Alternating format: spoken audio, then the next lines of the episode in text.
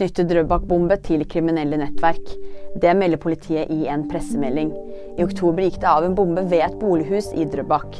Politiet trodde først at bomben var tilknyttet konflikt i et lokalt kriminelt ungdomsmiljø.